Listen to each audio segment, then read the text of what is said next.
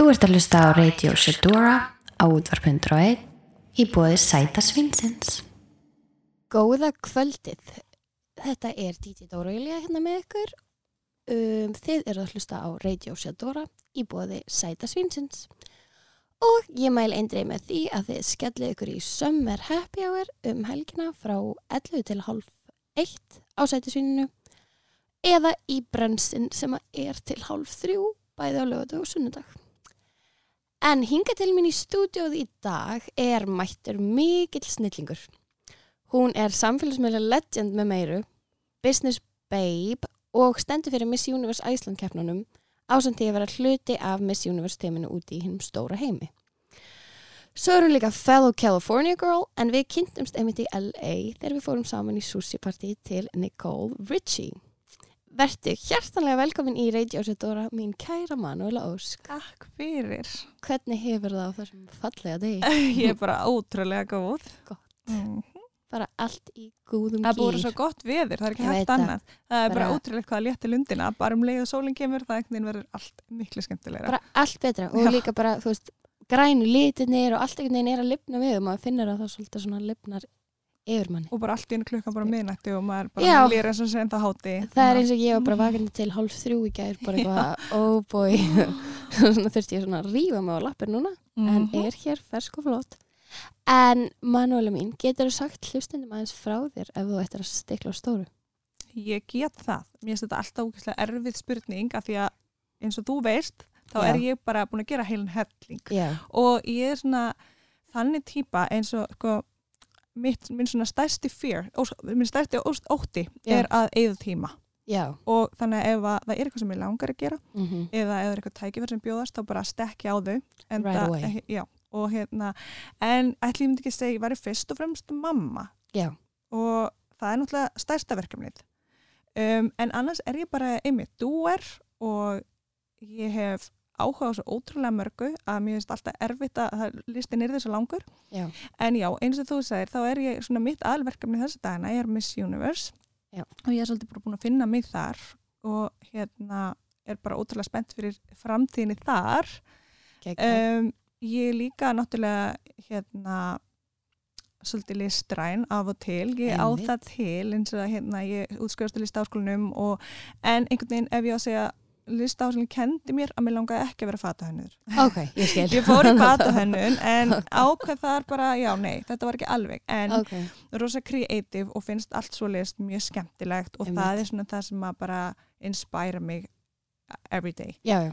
þannig en svo bara, já, ég er með fellow California girl, það er bara Einmitt. California bara hjarta mitt. Eins og þú tengir. Um, þannig að Þú verður einmitt, held ég, í LA þegar þessi þáttur er spilaður. ótrúlegt en satt, þá bara er ég að fara enn eina ferðina, en Já. já, tengingin þangað, ég náttúrulega var líka í námi þar Einmitt. og, Þú varst í FIDM, er það Já. Já.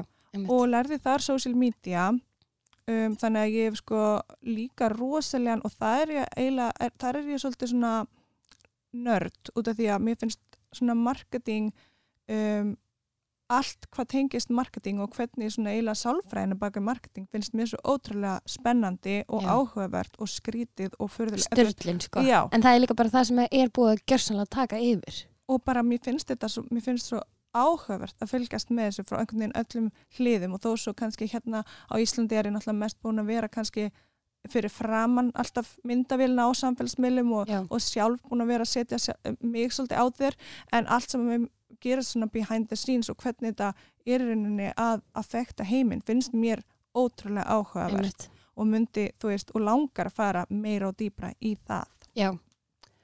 Ná dýbra til, einmitt. En þetta er líka, og það er svo, þú veist, það er líka svo áhugavert að núna er svo auðvelt og aðgengilegt að fylgjast með, þú veist, fylgni og audience og hérna, bara hvað sá margir þetta í gæra á þessum klukkutíma og þú veist, það er alveg hægt að hella sér í þetta ótrúlegt og það er einmitt hægt að stúdera það og þetta er svo valjúból fyrir fyrirtæki og auðlýsingar og allt þetta, sko. og mér finnst núna loksins eins og íslensk fyrirtæki svona búin að fatta bara já, Já. það þarf bara að vera einhver social media manager, þú veist, það var Já. bara eitthvað ekki þekkt, hérna Nei, fyrir bara ég ætla að segja bara að nokkrum mánum liggum við Já, en, en hérna, þú veist, þá var þetta alltaf svona einhver að gera þetta bara on the side, Já. þú veist, hjá fyrirtækjum Já, en já, núna já. er bara, veist, þetta, já, þetta er bara um, þetta er bara algjörlega framtíðin og það Já. þarf að setja mikla aðtegli um, á hvað er að fara, veist, hvað er að fara á samfélagsmiðla út af því að það er bara eins og hvað var það branding og annað Já, skiptir ótrúlega miklu máli það er krúsjál sko. mm -hmm.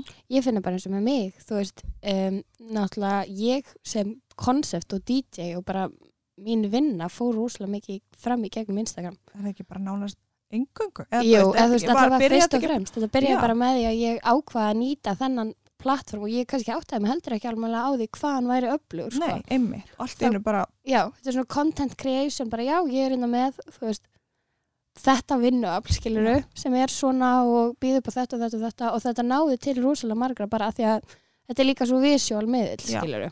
ég elska Instagram og Ég það líka. er hægt að gera svo mikið einmitt á Já. Instagram og líka bara eins og við hefum gert með keppnina veist, þetta er bara útbreyslan er orðin svo mikil og manna er til svo margra og það er, það er hægt að um, svona deila svo jákvæm bóðskap á svo auðveldan hátt Einmitt, það er satt, sko.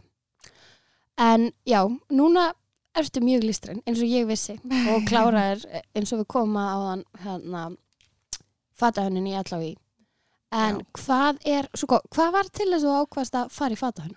oh, sko, ég hef alltaf haft ótrúlega mikinn áhuga á tísku og þetta er ógeðslega mikið klísja finnst mér alltaf, þú veist, mér finnst einhvern veginn aðastelpur þú veist, hafa einhvern áhuga á því hvernig það líta út. Já, og tíska er svo stór partur af því. Þú veist, þú Einmitt. expressar þig einhvern veginn og, þú, og það oft í, í, hverju, í hverju þú ert.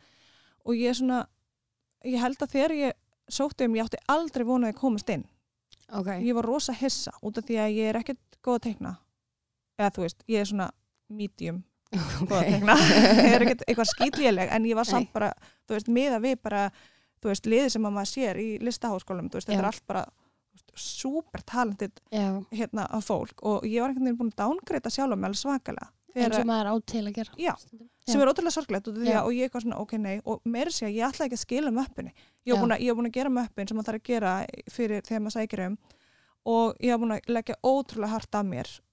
Og svo bara var ég svo ónað með möppina ég hendi henni bara frá mér og sagði bara mömmi ég ætla ekki að sækja um." Já, og mamma, Dúlla, bara Já. tóka möppina og rottaðist bara niður í allavega í að skila henni inn fyrir mig Æ. ég vissi ekki eins og á því á þeim tíma já, og hérna út af því að hún var bara búin að fylgjast með mér hérna, vinna og vinna og vinna fyrir þessu og svo var ég Já. svo ótrúlega hörðið sjálf á mig og ég sagði bara veist, þetta er aldrei að fara að ganga og eitthvað en hún, þú veist, einhvern veginn sem betur Já. sá eitthvað sem að ég sá ekki eða hafði bara trú á mér sem ég hafði ekki já, þannig að, og ég komst inn og þetta var ótrúlega skemmtileg tími ég hef ekkert neikvægt að segja með í nei, en svona þessi reynsla og það sem ég upplifði var svona, ég, þetta er ekki það sem ég langar að gera nei, nei, nei, for life er.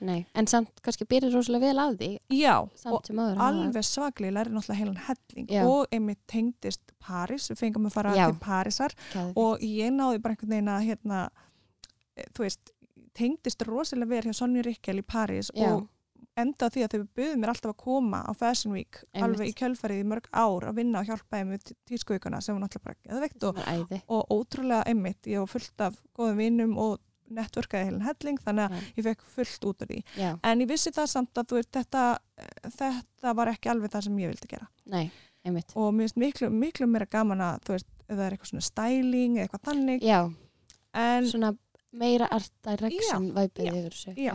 og allt svona visual finnst mér náttúrulega ótrúlega og þú veist, ég hérna þrýfst svolítið á því Já, en já, ég útskrifaðist 2016 og ákvað þá einhvern veginn að bara núna skildi ég skipta alveg um stefnu já, ég vissi að ég þurfti svolítið að fara til LA og vera svolítið þar einmitt. og bara býða eftir því Já, að geta fengið tækverð til þess að bara búa eins þar einmitt. og það var náttúrulega best að leiðin að fara í skóla Akkurat. þannig að ég skráði mig í social media Og, ó, já, það er Já. náttúrulega draumur. LA er alltaf svona einhvern veginn endastöðun fyrir mér. er það ekki? Jú. það er En- einhvern veginn, veist, en, en svo er alveg bara ég hef alveg hitt fullt af fólki sem fíla hann bara alls ekki Já, og ég er er svo svona- hissa, ég er já. alltaf bara ha, þú veist, útrúlega bara, ég skil það ekki En en þá var maður eitthvað svona, veistu, þú hefur ekki upplegað Nei. Það segir þetta alltaf. bara þú veist Æ, ekki þú hvað þetta með Nei, ég lifi finnst hann um indislega. já, og ég einhvern veginn hérna, líka, þú veist, hvað var það námið mér fannst þetta út af því að þarna var ég búin að vera sjálf á samfélagsmiðlum Já, akkurat, og ég sagði, nei, ég verða ég verða að fara að stýpa í þetta akkurat. og Bara að því að þetta er líka ógeðslega current subject. já, veist, þannig að þetta er svona, það getur aldrei verið Mjög- þú veist, klikkað að hafa þetta í, í bakhöndinni þetta er bara að sko aukast. Já. Ef eitthvað er. En hvað er uppáhaldsviðið þitt á, eða þú veist, hvað er uppáhaldið þitt á sviðum lista? Ah, sko já, sko tíska Já. er svona, myndi ég segja, það sem ég pæli mest í Já. um, og sérstaklega, ég, ég elska Instagram út af því að maður sér svo mikið sem að maður myndi kannski aldrei annars sjá Einmitt. og ég er búin að uppgöða alls konar á cool fólki og ég, Mhm. bara, ég fylgja miljón mann sem að er bara út af þeir eru með flottan stíl Mm þannig að ég myndi segja að tíska væri svona það helsta en ég elska, ég er svolítið alveg upp í leikhúsi Já, amma mín var sýningastjóri þjóðleikhúsins í veist, 30 ára eitthvað já. þannig að ég var alltaf svo mikið í þannig að ég sko Og leggst eitthvað hlutverk þú varst lítil? já, herði ég byrjaði að leika því ég var 5 ára Geggjað. og ég leik í leikriti á hverju ári þangar til ég var örgulega 14 eða eitthvað Geggjað. þannig að ég var alltaf litla barni sem Sem til þess að vera einhverstaðar á sviðinni já, Já. þannig að, en jú, ég leik alveg þannig að, hérna, og það heldur rosa margir alltaf, já, að ég myndi fara í leiklist, verður, myndi fara í leiklist og ammi leikuna og það var alltaf svona þessi tenging við leikhúsið og ég var svo mikið þar, þekkti alla var alltaf að leika og svo bara svona var það bara ekki, ég er alltaf feimin til þess að vera leikuna Já, ég skil. Ég held líka ótrúlega til þetta að ég var á fimmtælis. en, en ég myndi segja að, að leikhúsið, ég elska líka alveg kvik, kvikmyndir en mér finnst Já. bara einhver svo ótrúlega sjarmi yfir þessa stópnin og leikhúsinu þegar að þú veist að setja upp eitthvað svona sjó sem er bara live og þú veist, þú þarf bara það er bara svo ótrúlega mikið talent sem þarf einhvern veginn finnst mér, það er ekki bara hægt að kö- kötta og taka Nei, aftur og allt eitthvað. þetta eins og í kvikmyndanum. Þannig að mér finnst svona leiklist á sviði Já. Og svo er það náttúrulega líka, veist, búningar og sviðsmynd og allt þetta sem spila geggjað. saman. Sem að, já, þetta er Svo sko. gjað production að setja svið eitthvað svona flotta leikusýningu Algjörlega. og einmitt bara ég elska ballettsýningar alls konar dansingur, ég er bara svona algjör sökka fyrir allt svona já. Já. Svo er, en tíska er doldið magnaðar listmið líka því það er svo mikið svona hvernig hver og einn, svona þín listræna tjáning á sjálfriður Já. alltaf sko. Það er það sem að mér finnst svo ógeðslega skemmtilegt við, þú veist, tíska er svo margþætt, það er ekki eitthvað, tíska er ekki tískubilgjur, skilur nei, nei, alveg alls ekki og ég einhvern veginn og mér er svo gaman að sjá þegar fólk einmitt þorir bara að fara all in í að, hérna, að tjá sig gegnum tísku Já, út af því að það eru ekkert allir sem þóra því nei, einmitt. en mér er stóna reyndar aðeins vera að breytast núna Já. Veitu verið, þú veist, mér er alveg svona það er kannski líka bara svona einmitt að því það er, núna er þú veist, innblástur er svo aðgengilegur og það er alls konar og þú veist, það eru svo margir fjörlega sem þú getur verið að fylgjast með og þú veist, það er svona gleymist líka stundum í umræðinni að, að því að þú veist, og við komum kannski aðeins inn á eftir að mér veist, Instagram geta alveg verið doldið tvíkja sverð Já. en aftur á móti þá er líka, þú veist, opin umræði hefur aldrei verið meiri, skilur akkurat og líka Og- bara fólk er að finna sig út af því að þú veist, Já. það er svona þú getur alltaf tengt við einhvern. Veist, það er, ég held að það séu ótrúlega margir sem upplýði sig kannski eitthvað einan á báti í einhverju en Já. svo einhvern veginn með hérna, tilkomið samfélagsmiðla þá opnar það svo þú veist, fólk er að sjá neitt, það er fullt af fólki eins og ég eða veist, það er alls konar. Einmitt. Einmitt. En hvenar byrjaðir þú að vekja aðtikli á samfélagsmiðlum? Ó, þetta var svo skrítið, þetta einhvern veginn bara svona gerðist bara. Og ég man enda eftir því eins og með Snapchat, Já, ég var að deyta einhvern strák já, fyrir mörgum árum og hann saði mig frá Snapchat og var eitthvað akkurat ekki með Snapchat? Og ég alveg svona, uh, þetta er nú bara eitthvað skrítið. Þetta er bara eitthvað, ég, ég var ekki að fíla það. Og svo var ekki bara, ég var bara ekki að skilja það. Ég var Nei. ekki að skilja hvað það var. Og svo svona ákvað ég að prófa og eins og til dæmis allt þetta fylgi sem ég er með, já, það bara gerðist einhvern veginn. Þannig þetta var ekki meðvitað Nei. heldur bara einhvern veginn, og ég baði aldrei neitt að fylgja mér, ég var aldrei í eitthvað svona herfinn út af því að ég var svo snemma já, það var svo snemma og ég fattaði bara ekki alveg þegar þetta var að byrja hvað þetta gæti nýst mér eða bara Nei, nei, nei. fólki eða fyrirtækjum ég, þetta var bara einhvern veginn að gerast bara eitthvað sem þú varst með og svo bara allt í einu já, fór fólk að fylgjast með. og, og ég held að þú veist ég var virk á því, ég held að það hefði kannski líka svolítið veist, ég var kannski eitthvað svona þekkt nafn sem fólk kannaðist við og Já. svo var ég rosa virk líka og svo Já. var ég að gera alls konar og þá bara svona ákvað, ég veit ekki, það bara byggðist eða það gerast rosa hratt líka með fylgið, ég var alltaf bara komið með rosa marga. Og en eins og Instagram, ég notaði Instagram alltaf fyrst bara þess að filtera myndir. Ég fatt ekki, það var rosa margir maður var ekki alveg að skilja hvað þetta var. Nei, en, og hérna maður var ekki að pæla heldur í content eða neitt svona þegar maður var að byrja. Það var var svolítið römmunum sem var skreitanum já, einmitt, ég var mjög að með Já. það. Svolítið Já. eitthvað, hérna er hundur og hérna er garður og Ég bara- kókt á þessu ég veit að það var mjög slæmt Já. margt og ég er búin að, búin að eyða mjög miklu út. Afgamli já, Já, að en, en eins og þú sagðir þetta er líka svolítið út í öfgar. Já, algjörlega. Þetta er alltaf svona, mér finnst þetta svo erfitt út af því að ég persónlega elska samfélagsmiðla, ég er rosalega jákvæð fyrir þeim, Já, já, út af því ég- að ég bara nýti þá líka bara þannig. Akkurat, en vissulega er alltaf, veist, það er svo mikið til að klikka við fólki. Nákvæmlega. Og Því það er miður. náttúrulega, þetta svona frelsi og aukið aðgengi eða skilur það hefur náttúrulega bara sína skuggarlega líka. Og hérna ég er svona ég persónulega er á mjög góðum stað til þess að elska samfélagsmiðla Já, eða skilur já. en það er kannski líka bara því að einmitt maður er með breytt bak og maður er orðinn eldri og þroskari og eitthvað en ég hugsa stundum svona já það þarf bara það er bara svo krúsel að fólk temmi sér gaggrinu hugsun og kunni að vera gaggrinu og, og líka eins og til dæmis sko, nú hugsa ég með framtíðina sem er náttúrulega börnin. Já, og þau munu aldrei þekka neitt annað en lífið með samfélagsmiðla nákvæmlega og, og við getum náttúrulega sett þetta svona svolítið í samingja því að við munum kannski hvernig þetta var og, og við greinum þú veist, já, reality og svo Mhm, samfélagsmiðla nákvæmlega, veröldina. Og það er nákvæmlega. einhvern veginn allt voru svolítið blörra því þeim. Já, akkurat. Og eins og þú talar um sko aukið aðgengi mm þá er náttúrulega líka aukið aðgengi að bara börnum og, og fólki sem að kannski þú veist, hefur ekki já, þennan skilning. Akkurat, og það er akkurat. auðvitað hægt að misnota samfélagsmiðla þannig á hræðlanátt Akkurat, og svolítið svona líka bara þessi svona perfect world sem er hægt að skapa og þú veist, það er náttúrulega bara hver og einn hefur frelsi til þess að búa til þann Allt, heim já. sem það vilt og, eða skilur og það er mikilvægt að hérna, hafa það í huga og mér finnst, ég reynir svolítið svona að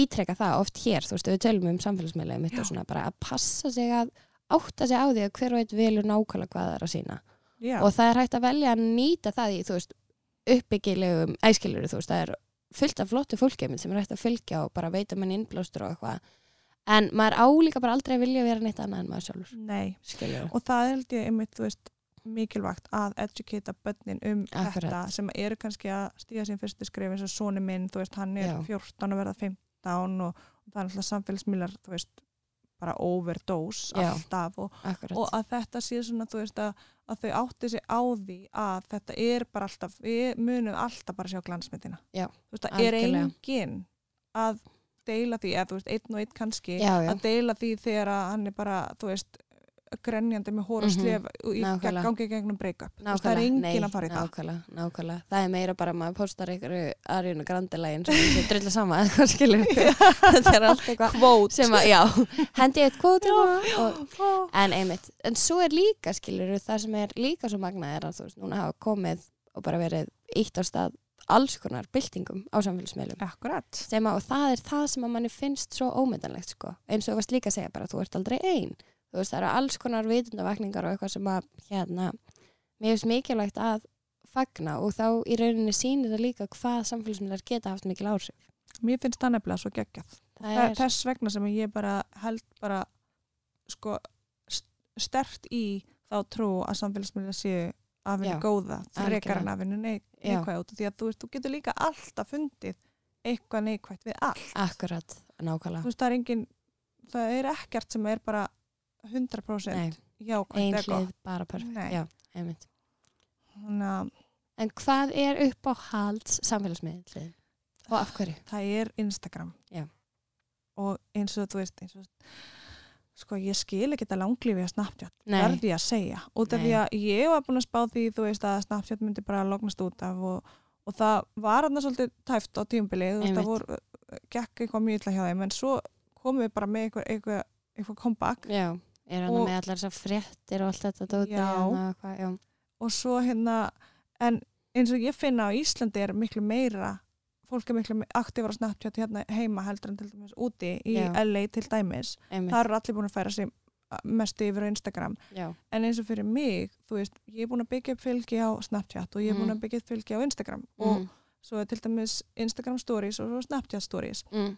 og mér er svo leiðilegt að ég er ennþá með, mei, með meiri views á á Snapchat, Snapchat. Í alvörni en samt er ég með okay. miklu fleiri fylgjendur Þannig að ég það bara er- svona- já, mér langar að hætta á Snapchat. Já, en að því valjúið í því sem ég er búin að byggja upp ég vil heldur ekki henda því nákvæmlega. Þannig ég er að vera það. svolítið snið með það. En ég skil ekki alveg af ég nota aldrei snap. Nema bara svona eitthvað til að senda inn í svona Já. vinkongrúppar og eitthvað þannig sko. ég held að fólk sem mikið einmitt að nota það líka í það en ég minnst eins og yngri kynnslun og þá er að tala um úlingar alveg 13-14 já, þau eru að nota þetta sem Já. bara spjallforrið einmitt, einmitt.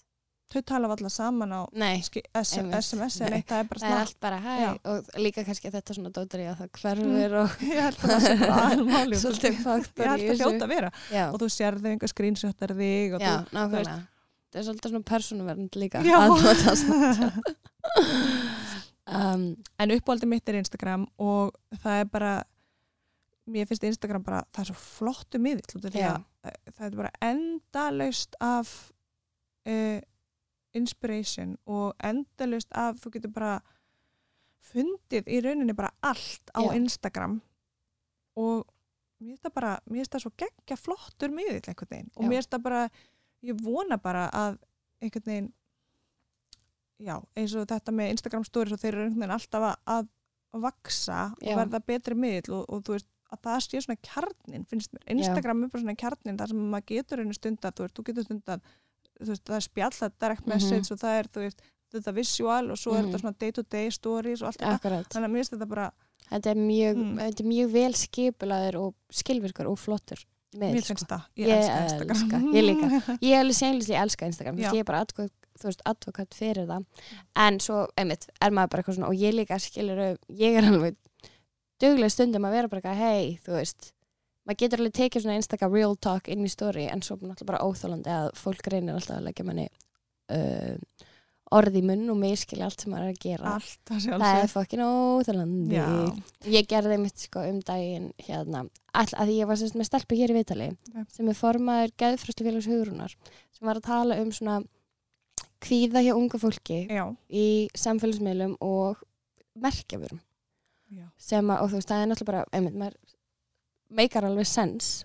Og ég tók pínu eitthvað svona real talk inn í story hjá mér, bara, þú veist upp á bara þetta svona, ok, þið verða átt ykkur á því að þú veist, ég er 26 ára og ég er bara sjálfstæður að vinna og æ, þú veist, skiluru og þegar ég var 14 þá pældi ég ekki í því að eiga Gucci tösku eða eitthvað, Nei. en svo kannski bara er maður búin að vinna sér inn og þú veist, þetta er dóldi yfirbúskent og maður, þú veist þetta er ekki hamingjan, þetta er ekki lífi þetta er bara eitthvað svona, ok, maður er kannski stuð til þess að geta gert þetta, Já. en það þýðir ekki að það sé ómessandi að eiga þetta alls ekki og svo gerði ég eh, ein, ein miðill sem ég með langar að gera svona að gefa sjátt nei, gera það. bara nei, nei, nei, nei, nei, nei. Mm, já, frétt bara DJ Dóra Júlia um, var blankur nemi fyrir nokkrum árum núna á hún pratatösku og ég var bara er hægt að er hægt að snúa þessu jákvæða Í spjalli þessu, einmitt, já. veist, hvernig, þetta er, þetta er að langsóttast sem ég hef séð og ég sagði þetta á mismunandi tímum skiluru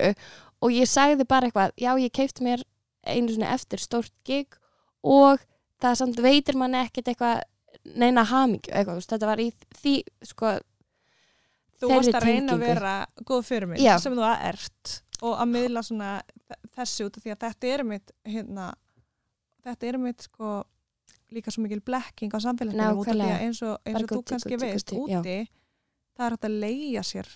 Nákvæmlega, þú getur leikt Já. þér Gucci tösku nákvæmlega. bara og tekið mynd fyrir Instagram Já. og skila þér. bara borga, borga bara 20 dólar já, og í mismunandi litum Já, með þannig að svo mismunandi lúk þetta eða, allt. nákvæmlega. Þá getur leikt þér að fara að taka myndaðir í enga þóttu Nákvæmlega og þetta er svona, þetta er þetta dæmi sem er svolítið svona, þú veist, þetta er pínu leikhús skilur Já, þetta er bara þetta það. er svona þú getur bara skapað og þú veist, við þurfum kannski bara að geta tekið því með smá fyrirvara. Og við verðum að gera það og þetta finnst mér einmitt mikilvægt og þetta er bara þessi yng, yngstu sem Já. þurfa að út af því að ég held að svona flestir þú veist, sem eru hérna eh, þú veist, búinir að sjá þessa þróun Já, eru búinir að átta sig á því. Einmitt. Ok, þetta er bara eins og eitthvað reality Já, TV, veist, þetta er ekki, þetta er ekki hérna day to day eins og Nei. allir eru bara að lifa sinni lífi, en, en það þarf alveg að vekja aðtekla á sig og ég, Já. þú veist, eins og dótti mín, hún er bara nýju já, og ég sé að þetta er strax byrja þar og ég veit ekki hvar eða hvernig því að, jújú, jú, ég á alveg fullt að merkja veru, en ég er rosalega óvert, já, ég myndi aldrei, saman hvað sem mikið pening ég ætti í dag, já, eða fleiri hundru þúsunda í eitthvað eina tösk nei, ég bara þarf þess ekki í dag. Þurfti, mér Já. fannst það æðislegt þegar ég var Svona 25 eitthvað recognition. Já, já þannig að þetta bara breytist. Svona, en hérna, um, en eins og hún ég veit ekki hvernig hún einu sinni veit Nei, hvað. Gucci er. Og ég spurði hann af því hann allt innu langaði í Gucci flip-flops.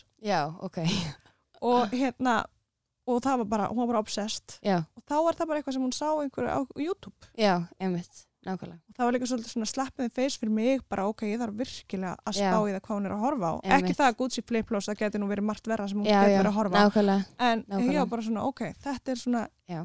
Þetta er svona, svona- móttækileg Þetta er að, já, Já. akkurat og fólk er nefnilega mjög móttækilegt og það er þú veist störla að fólk vilja bara leggja allan fermingapinningum fyrir til að köpa Gucci-belti eða eitthvað og maður er svona, þetta skiptir engu, máli og við verðum að kunna að finna hamingi í litlu hlutunum og allt þetta sko. og ég hef eins og með mín börn um, eins og með afmæli og jólagjafir og svona, Já, ég hef núna undarfarið lagt miklu meira upp úr því að gefa þeim upplifanir já, heldur en gjafir. Já, gjafir sem eru bara svona döðlutir sem maður fara bara inn í herbyggi eða það gaman fyrst eða svo eitthvað skiptir þetta einhver máli en að gefa þeim upplifanir það er eitthvað sem að mér finnst skipta miklu meira máli. Já, það er þetta ómynd og sérstaklega líka bara eða tíma saman í ykkur að upplifa það er alveg, það er það sem að þú veist, það er þessi dýft eða skilur mig.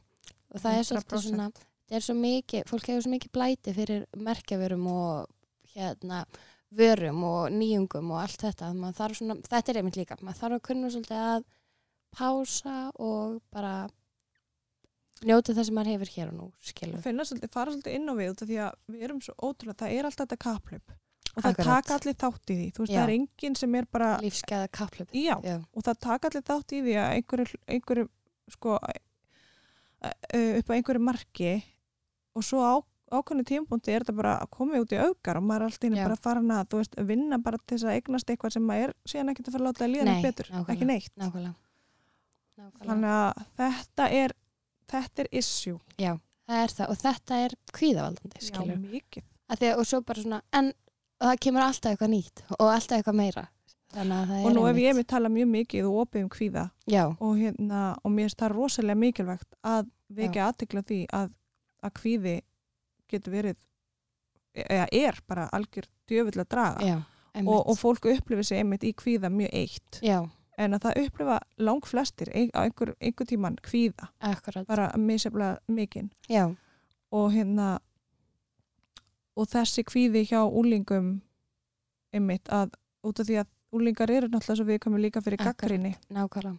og, Og, vilja svo mikið sko viðkenningu. Eða þannig sko, það er einhvern veginn einmitt og þetta er, og það er líka, þú veist, já, það er bara mjög, mjög yfirþrumandi. Ég, ég held að var, þú veist, ég var svo bilaslega meðtækileg þegar ég var úlingur og svo svona einhvern veginn maður var svo vulnerable en samt svo out there og eitthvað skilur Já, maður var svo mikið að reyna bara veist, að fóta sig og maður vissi ekkert alveg og svo bara, já, ok, Gucci flip-flops, ég eiga það þetta er úslu cool Já. já. En veist, hjá mér að vara díselbuxur skilur sem er svona hjá mér skömmun Buffalo skór sem er nú reyndar að koma aftur ótrúlegt en satt. eru, það er alveg nokkur vinkonum mínu sem eiga í nokkur litum Í- í alvöru. Ég held, ég held út af því að ég, sko, ég veit um að tískan fyrir alltaf hringi en ég held að Buffalo skór voru svona undantekningin. Myndu þetta út þeir þessing. aldrei koma aftur en viti menn. Já, svona er þetta. Það er allt svona óútreiknilegt í þessu lífi, eða flest. En sko nú vorum við svona aðeins að tala um líka bara fréttameðla sem að vilja hmm. oft gaggert láta Mhm. mann líta illa út. Hvað finnst þér um að vera ábærandi aðli í íslensku samfélagi? sko uh, ég er hann ótrúlega vöndi sem er alveg gott en það er líka slæmt út af því að það á enginn að vera vanur því að láta taka sig af lífi ofinverlega það á ekki að vera eitthvað normal Nei. tilfinning. Ég á ekki að þurfa að taka símtal við ömmu mína og segja æ bara svo vitur að það er eitthvað hérna du, du, du, Mhm. leðilegt og það á bara vera fæn. Já, og það er bara Alls svona basic. Nei, Nei, það er ræðilegt það er hræðilegt. Og hvernig svona þessi frétta mennska, ef frétta mennska má kalla, já, má sko. getur verið stundum á Íslandi er til skammar. ég bara því skil að- það ekki Nei, það er engin heimavinna unnin, Nei. það er ekki ringt og staðfest við Nei. viðkomandi, það er bara eitthvað skrifað sem að engin veit hvort það er sko ein, uppspunni eða ekki, já. sem það er oft og og það sem þetta, þessir miðlar þurfa, þeir þurfa að taka ábyrð út af því að þeir geta haft áhrif á svo marga og bara Já. líðan og talandi um kvíða. absolutt Ég meina sko. það sem þeir eru að setja fólk og fjölskyldur oft í gegnum er bara hættulegt. Akkurat, og þetta er svo styrla því að við, við erum svo lítið samfélag og þetta er alltaf kannski einhver sem að, þú veist, þessu bara ein fréttakona sem ég fatt að vera bara búin að vera að follow mig á Instagram ógislega lengi og skoða allt, eða þú veist, þetta er svo Allt. svona maður er svo vulnerable Já. þá allt einu bara Já. svona, ok Og þetta eru þetta, veist, og það er alveg visslega, ég skal alveg taka ábyrð því, meina við bjóðum upp á þetta einhverju, einhverju hérna markið e, e, út af því að hérna við erum að opna mhm, og við erum að setja þetta á neti þar sem Já, já. kannski við erum að setja netið og, og við þurfum þá ekki að tekið því að það er ekki allir fíl okkur. Nei, nei, en það er bara, þetta er svo allt annað en það. Akkurat. Þetta Og- er bara svona, sko þetta er búlíðing nákvæmlega, og við erum að reyna að kenna börnunum okkar að vera Já. ekki þú veist að leggja ekki einaldi og vera góð Já. og, og hérna og lifa lífinu kærleika og allt þetta og svo kemur bara koma, koma þess, þessir miðlar og gjörsamlega sko ofbjóða allavega Mhm. mér. Já, um, en hvað með það að vera sko þekktur einstaklegur, það er svo auðvelt að vera þess, þekktur einstaklegur í Íslandi. Þú veist, þú þarft ekki það, það er bjútið kannski við það að búa í svona litlu samfélagi. Þetta er svo góðu testmarkaður. Þú veist, get, þú getur svo auðvitað að ekki aðtekli á því sem þú ert að gera ef þú vilt Já. gera það og, og þú þarft einhvern veginn þú það þarf svo lítið til að þú verði þekktur einstaklingur. Já, þú þarf bara einhvern veginn að skera þig úr og þá verður það svona, getur orðið þú- þekktur fyrir það. Já, og, og þú veist, eina þegar að og hert var í gangi þá þurftur bara, þú veist, komaði nokkur, nokkur sinnum í og hert og þá voru allir bara Já, já, þú veist, þessi. þetta er þessi þú veist, það var alveg þarna. Þannig að hérna og ég lít aldrei á mig sem eitthvað svona ég, mér finnst eitthvað svona cel, celebrities ekki vera þing á Íslandi. Nei, út af því að, það er ekki. Nei, það er ekki Nei. þú veist, og, en mér finnst þetta alveg ég er alveg þakklátt fyrir að hafa þetta plattform og hafa að þú veist, ég get verið Já. sínileg einmitt. ef ég vil það og ég get komið mínum skoðunum á framfæri ef ég vil það. Mm og þannig að ég náttúrulega pow- empowering sko, að geta og ég er alveg þakklátt fyrir það þannig Já. ég er ekki bara eitthvað óumingi ég er alltaf eitthvað að skrifa um mig þú veist, Já, já, ég er ekki þar Nei, en mér finnst samt að hérna, fjölmiðlar þurfi að gera það sér brók bera Og passa, já. og bera virðingu bera Algjörlega. virðingu fyrir fólki út af því að þú veist mannorsmorð til dæmis Mhm. það, er, það er mjög auðvelt að fremja Já. mannorsmorð á Íslandi og þú þarft að vera vissum að þú ert að skrifa eitthvað sem er hérna svona Þú veist að hefur bara neikvæð og og hefur neikvæð áhrif, Áhrif, að þú já. þarft að vera vissum að það sé þá allavega eitthvað fótu fyrir því. Algjörlega. Það sé ekki bara bull. Og líka bara mér finnst svo merkilegt það er svo margt uppbyggilegt og skemmtilegt þetta að skrifum. Ég bara, ég skil ekki. Nei, akkur ekki bara að, þú veist aðeins að reyna að lífka upp á hvernig getur gert heiminn aðeins betri? Akkur hefur fólk ekki þetta Motto. og ég ætla bara að segja, þú veist, þó ég segi sjálf frá ég er að, gera, ég er að gera svo fullt að geggjum hlutum já, í lífinu. Akkurat. Og ég er að sko, ég meina, þú veist, eins og stelpuna mínar í keppninni já, þær senda mér sko skilabóðið að hérna message okkur um einasta degi. Já, bara takk fyrir allt sem þú gerir fyrir okkur Já, og já, takk já. fyrir að gefa okkur stæð. það er aldrei einhvern veginn, það jákvæða sem maður gerir já. það, það er er aldrei viðkjönd eða þú veist, það er mjög sjaldan sko. og það er líka bara svolítið styrlaði þegar maður hefur hérna ég tók eftir til dæmis bara þegar ég var að spila á engaðinu hjá Richard Branson. Já, er veist, hvar voru þessi miðlar þá? Það var ekkert verið að tjekka mér enskilur og svo þegar ég ger eitthvað sem gæti komið illa út á Instagram þá er það bara komið í hellin og maður er eitthvað hvað hvað forgangsröðin er þetta? og ég veldi fyrir mér sko, hvort þetta sé er við sem samfélag um, skoðum við meira neikvæða fréttir er það þess Já. vegna sem að fjölmiðlarnir setja þær frekar fram að þau fá meiri lest, þær fá meiri lestur en kannski er þetta bara þú veist, kannski hefur það áhrif að fjölmiðlar gera svo mikið en eitthvað um á, hérna, fréttum að við erum orðin vöndi Já. en ég persónlega bara meika ekki sko. ég les ekki svona, bara Ekki ég heldur. ekkert sem að kemur illa, þú veist, Nei, maður er bara nefnist ekki sig Og það er líka út við vitum hvernig það virkar. Þú veist, því fleiri views og því fleiri allt þetta Já, klikk og þetta, þetta því, því meira verður af þessu já. og ég bara, ég fyrir ekki inn á ákveðin og svo líka er það bara leiðilegt þú veist, maður hefur ekkert gaman að að lesa svona Nei. sem að kemur illa út fyrir aðra en ok, koma þess inn á Miss Universe núna Mm. Um, hvernig kom Miss Universe starfið upp og hvernig hefur það ferli verið undan fyrir ár? Já, sko þetta náttúrulega ég, þegar ég var ungur í Ísland, þá af einhverjum ástæðum, að því að ungur í Ísland eins og það var, það var einhvern veginn alltaf, við sendum alltaf íslensku stelpuna sem vann í Miss World Já, á þessum tíma og en af einhverjum ástæðum þá var þessu svitsað upp þegar ég vann að ég var sendið í Miss Universe. Ok.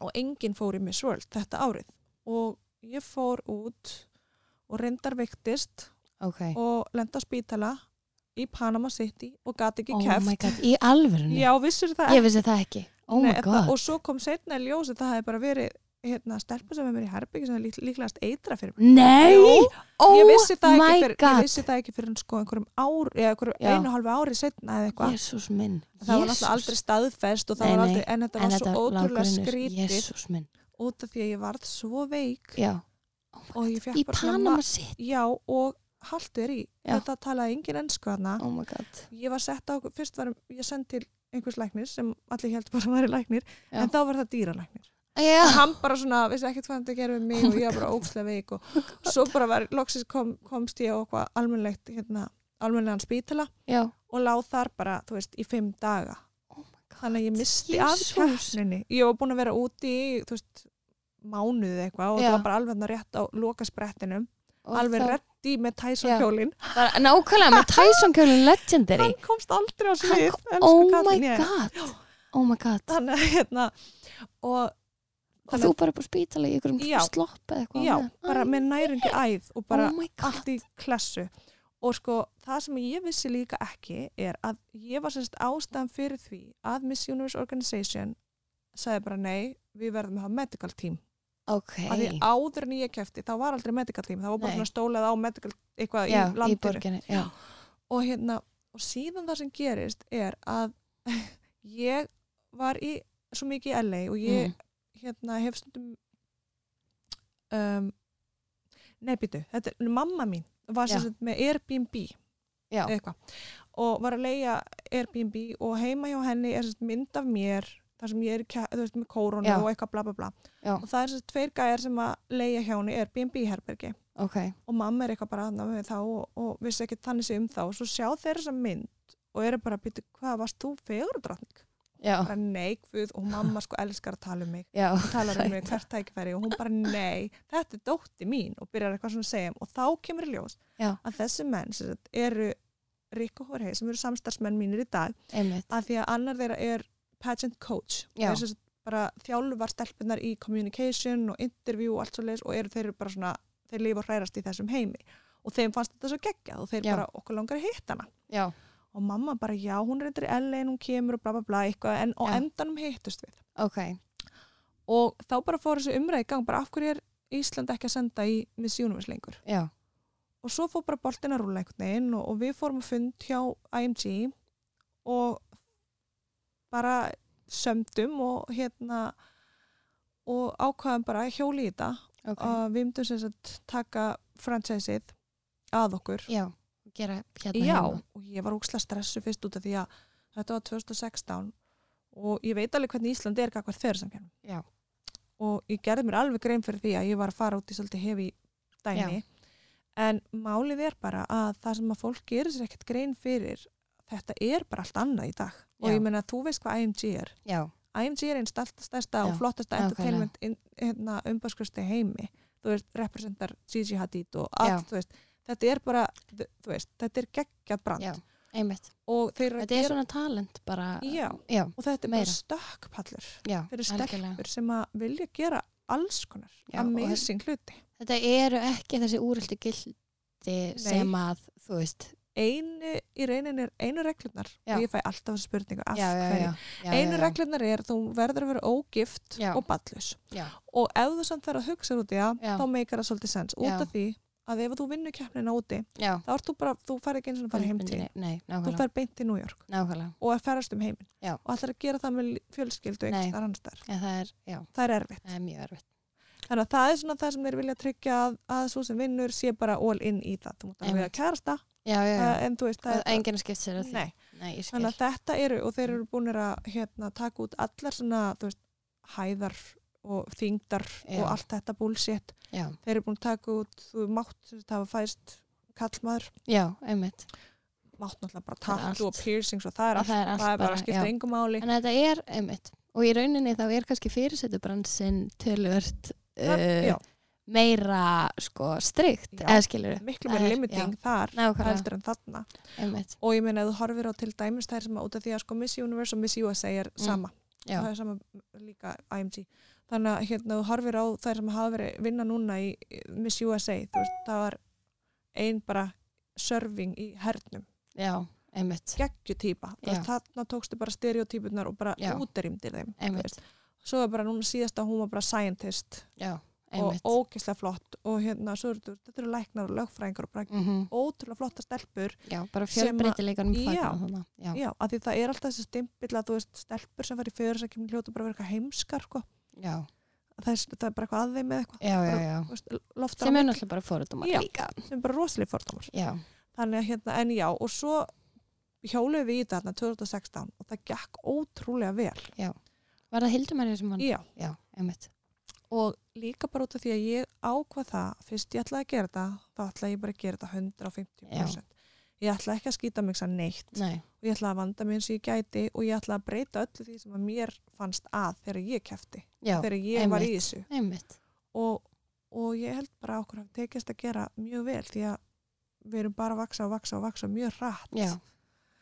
Og núna er í sömar undirbúningar og keppnin er í haust. hún er, já, hún er 31. ágúst Ok, ok, geggjað. þannig að hérna, og við erum með 26 stelpur Vá. höfum aldrei verið með svona stóran hóp og við, veistu, ég verð bara að segja þér að ég Já. elska þær Já, þetta er svo geggjaður hópur og þær eru svo miklar þú veist, það er svona sisterhood sem að myndast einmitt. og þetta er bara, og það er virkilega standa saman og Já. eru vinkonur, það er Einmitt. ekkert Það er enginn að fara að eitra fyrir neitt. Nei. Nei. það var 2002, Já. ég skulle bara skynna við það var þetta einmitt, öðruvísi einmitt, þetta er líka, maður finnur líka bara þegar stelpur koma saman og stelpuhópar og svona, þetta er alltaf, það er eitthvað mögnu orka sem að myndast alltaf. Það er það. Og það er bara, þú veist, það er svo geðveitt að, þú veist, ok, segjum ekki endilega í tísku en það er svo relevant að stelpur séu að stiðja aðra stelpur og byggja hver aðra upp og allt þetta. Og þetta er bara það ómyndalegast sem ég veit um í heiminum, sko. ég er svo samanlegar og Þannig þetta er bara, það er eiginlega þetta er ástæðan fyrir að mér langaði að gera þetta. Já, út af því að mér finnst þetta að vanta svo mikið um, út af því að sko, ég ætla að segja þér, ég er með 26 stelpur. Mm. Þær eru svo ólíkar allar já, þær eru eins misjafnar og þær eru margar og Já. þær eru þarna á alls konar hérna forsendum.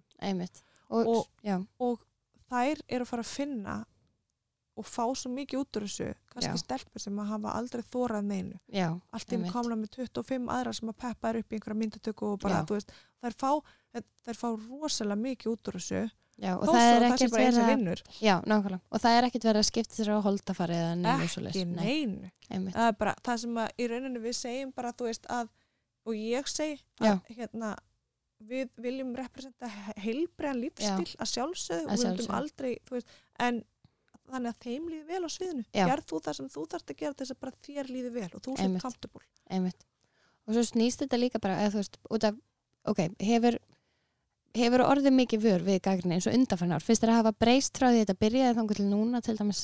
Á keppnina, já, já, það er svona, og ég held sko einmitt að það er líka bara þú veist við verðum alltaf að fá að vera frjáls já. til að taka okkar ákvarðanur og gera, þú veist, það er einhvern veginn og mér finnst svo merkilegt að kannski fleiri vilji eða tími að gaggrina fegur samkeppnir versus kannski hvað það er margt annað að í samfélaginu sem fólk lítur framhjá þú ég meina hvað er sko, og ég ætla að segja þér annað að hérna uh, ég er með sex stelpur í hópnum mín núna sem hafa keppt hjá mér áður. Já, og ég er bara búin að gera þetta þrísu sinum áður þær eru að koma aftur Já. og þær eru að koma aftur og þær eru að koma aftur. Já, það er út af því að þær eru að fá svo mikið út úr þessu og þetta er svo Einmitt. jákvæmt það er rosalega fáar sem, ég hef ekki heyrt um neina en það, Já. ég ætla nú samt ekki að segja, ég veit það ekki það er rosalega fáar allavega sem að hafa komið eitthvað illa út úr þessu. Einmitt, nákvæmlega. Og hafa ekki bara Já. kunna mikið mynda þessari þannig að þú veist, þetta ég, ég skil ekki ef, ef, hvað er hægt að segja neikvægt og Nei. við verum líka allir að hafa val og gera það sem við viljum. Og nákvæmlega. það er alltaf þetta issue með bikinið Já, það er alltaf sem ég heyri, þú veist að já, stelpur sé bara eitthvað síningagripir eða þú veist að bikini, en hversu ógeðslega empowering er Já. það að vera bara svo stolt að líkamlega sínum mhm, og líða svona vel nákvæmlega. og finnast maður bara svona æðsliður að maður bara, manni að- vel. Nákvæmlega og, og það er bara líka, þú veist, út af því að við erum, við dæmum okkur svo mikið og sérstaklega hvað varðar holdarfar. Akkurat, og við getum verið Allir- rosalega vonda Já. okkur sko. getur verið rosalega vonda við Mm. okkur. Og bara það, ég meina að fara í verstubælaugina mm er stundum bara stórt skref fyrir marga. Já, þannig getur nákvæmlega, ímyndað er að standa sviði nákvæmlega. og vera það confident. Akkurat, ég myndi, ég veit ekki hvort að ég myndi þóra því í dag en minna, veist, það, hérna, en skilur, pældi að vera á þeim Já. stað nákvæmlega það vera bara- jákvæmt a- Absolutt, og það er bara uppbyggilegt sko. Já.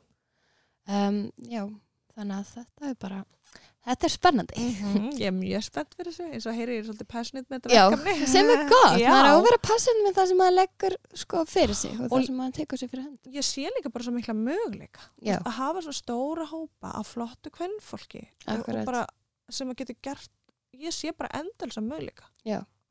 og það sé bara hægt að bara breyta heiminum nákvæmlega, nákvæmlega Mhm. og við, allir er að, þú veist, þegar allir er að leggja sitt á mörgum og gera sitt skilur þá hérna, gera við, nákvæmlega þá fyrir boltin að rúla. Herru, tímin er allt of oh my eh, god Já, erum oh, En ég ætla aðeins samt hérna að spyrja þig um, hvað veitir þér innblástur? Og hvernig tilfinning finnst þér innblástur vera? Innblástur er oh, innblástur er svo mikilvægur Já. en sko og, það er eiginlega engin tilfinning verri en þú ert bara uninspired og bara Já. þú finnur engan innblástur og það er bara allt einhvern veginn já, Já.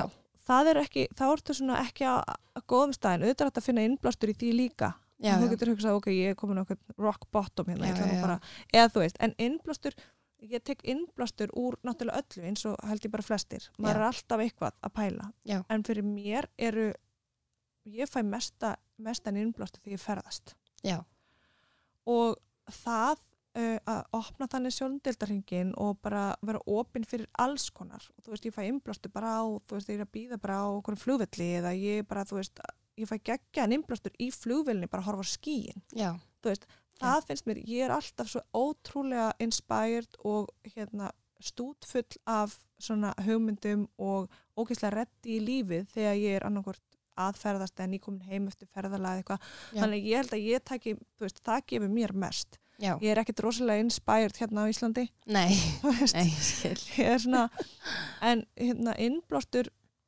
er svona það sem ítir mér áfram en það getur líka stundum verið svona pressa og maður er eitthvað svona Já, þú veist, sérstaklega maður á að fá maður þarf að gera eitthvað og maður verður bara, þú veist. Og maður er svona yfir, sko, mér finnst stundum þegar ég er svona sturlaslega inspired af ykkur og maður verður, eða skilur, einmitt, maður verður að gera eitthvað já, þá getur það orðið svo yfirþyrmandi. Já, þú veist bara svona og eins og líka bara við vorum að tala með samfélagsmiðla og svona, maður er svona overly inspired af ykkur gælu, þá þarf maður að kunna einmitt að vera eitthvað, ok, Slaka, en einmitt bara nýta þetta nýta þetta í uppbyggilega tilfinningu af því að innblástur er það besta sem ég veit um líka sko. besta. Og að það Það er eitthvað, bara- bara... þú veist innblástur og, og þetta sem þessi tilfinning gef, gerir mig hamingi sama, og ég veginn, að því að þá er ég með eitthvað gegja, gegja hugmyndi að gegja eitthvað sem er langar eða eitthvað, þú veist, því að við þurfum öll að hafa eitthvað stefna, við þurfum öll að hafa eitthvað sem okkur hlakka til, já, þú veist, eitthvað sem okkur langar að gera sem við Já. einmitt erum passionate og drífa okkur áfram akkurat innblástur og drifkraftur er bara sama sem mm fyrir mér. út af því að þú veist, ef þú hefur engan innblástur þá ertu bara svona svolítið Já. bara svona, á, alveg Eh. sama, já, já þannig að það er ekki góð tilfinning akkurat ok, tveir liðir í lókin, elsku Manu mín. Já, hérna, ef þú ættir að gefa ráð eitt ráð frá sálinni þinni til þeirra sem eru að hlusta, hvað myndir þú segja? eitt ráð er ekki trúa öllu sem þið heyrið. Út af því að þetta er bara sko, ég í gegnum minn feril innan gæðslappa e, e, svona í suðsljósinu undanfærin síðan ég var bara 17-18 ára Já. hefur bara kent mér að það er sama hvað þú segir mér um mannesku Já. ég mun ekki trúa því fyrir að ég, ég mun gefa henni séns. Um, og þetta ávið ekkert bara um fólk bara um allt sem að þú sérð, heyrir eða lest. Ekki trúa því öll Nei. ekki taka því öllu bókstaflega.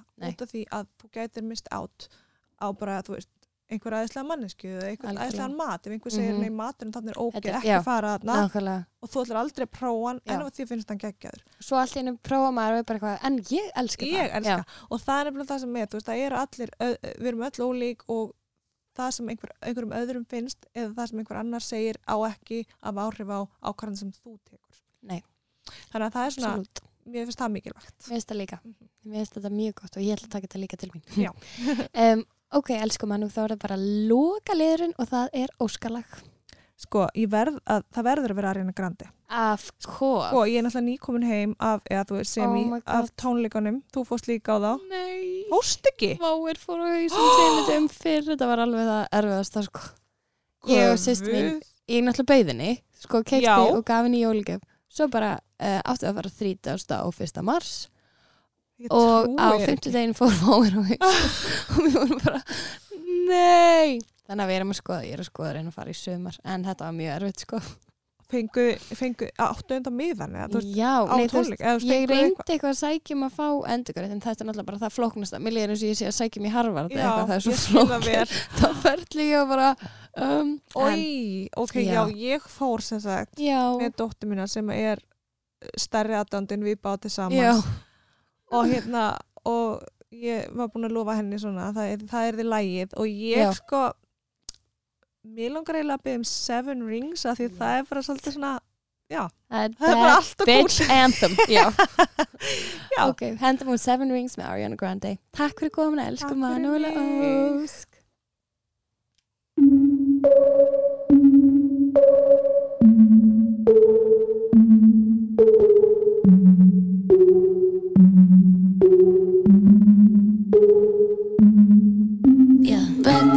Tiffany's and bottles of bubbles. Girls with tattoos who like getting in trouble.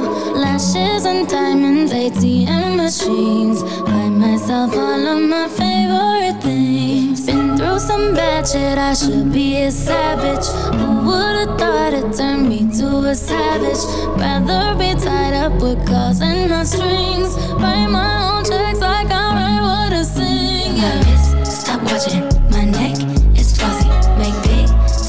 deposits, my gloss is chopping. You like my hair? Gee, thanks, just bought it.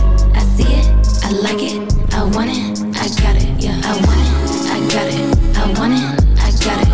I want it, I got it, I want it, I got it. You like my hair? Gee, thanks, just bought it. I see it, I like it, I want it,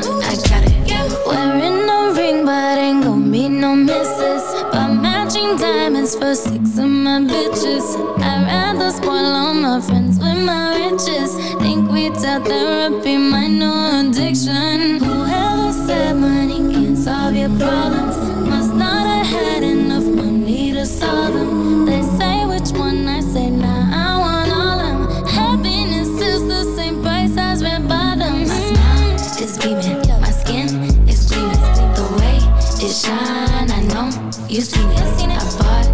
Chris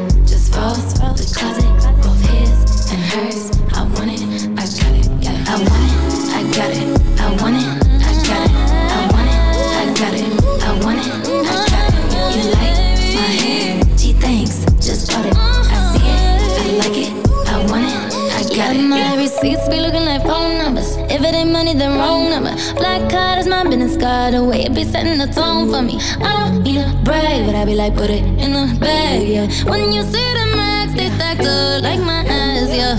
Go from the south to the booth, make it all back in one loop. Give me the loot, never mind, I got the juice. Nothing but never we shoot. Look at my neck, look at my neck. Ain't got enough money to pay me respect. Ain't no budget when I'm on the set. If I like it, then that's what I get, yeah. I want it, I got it, I want it.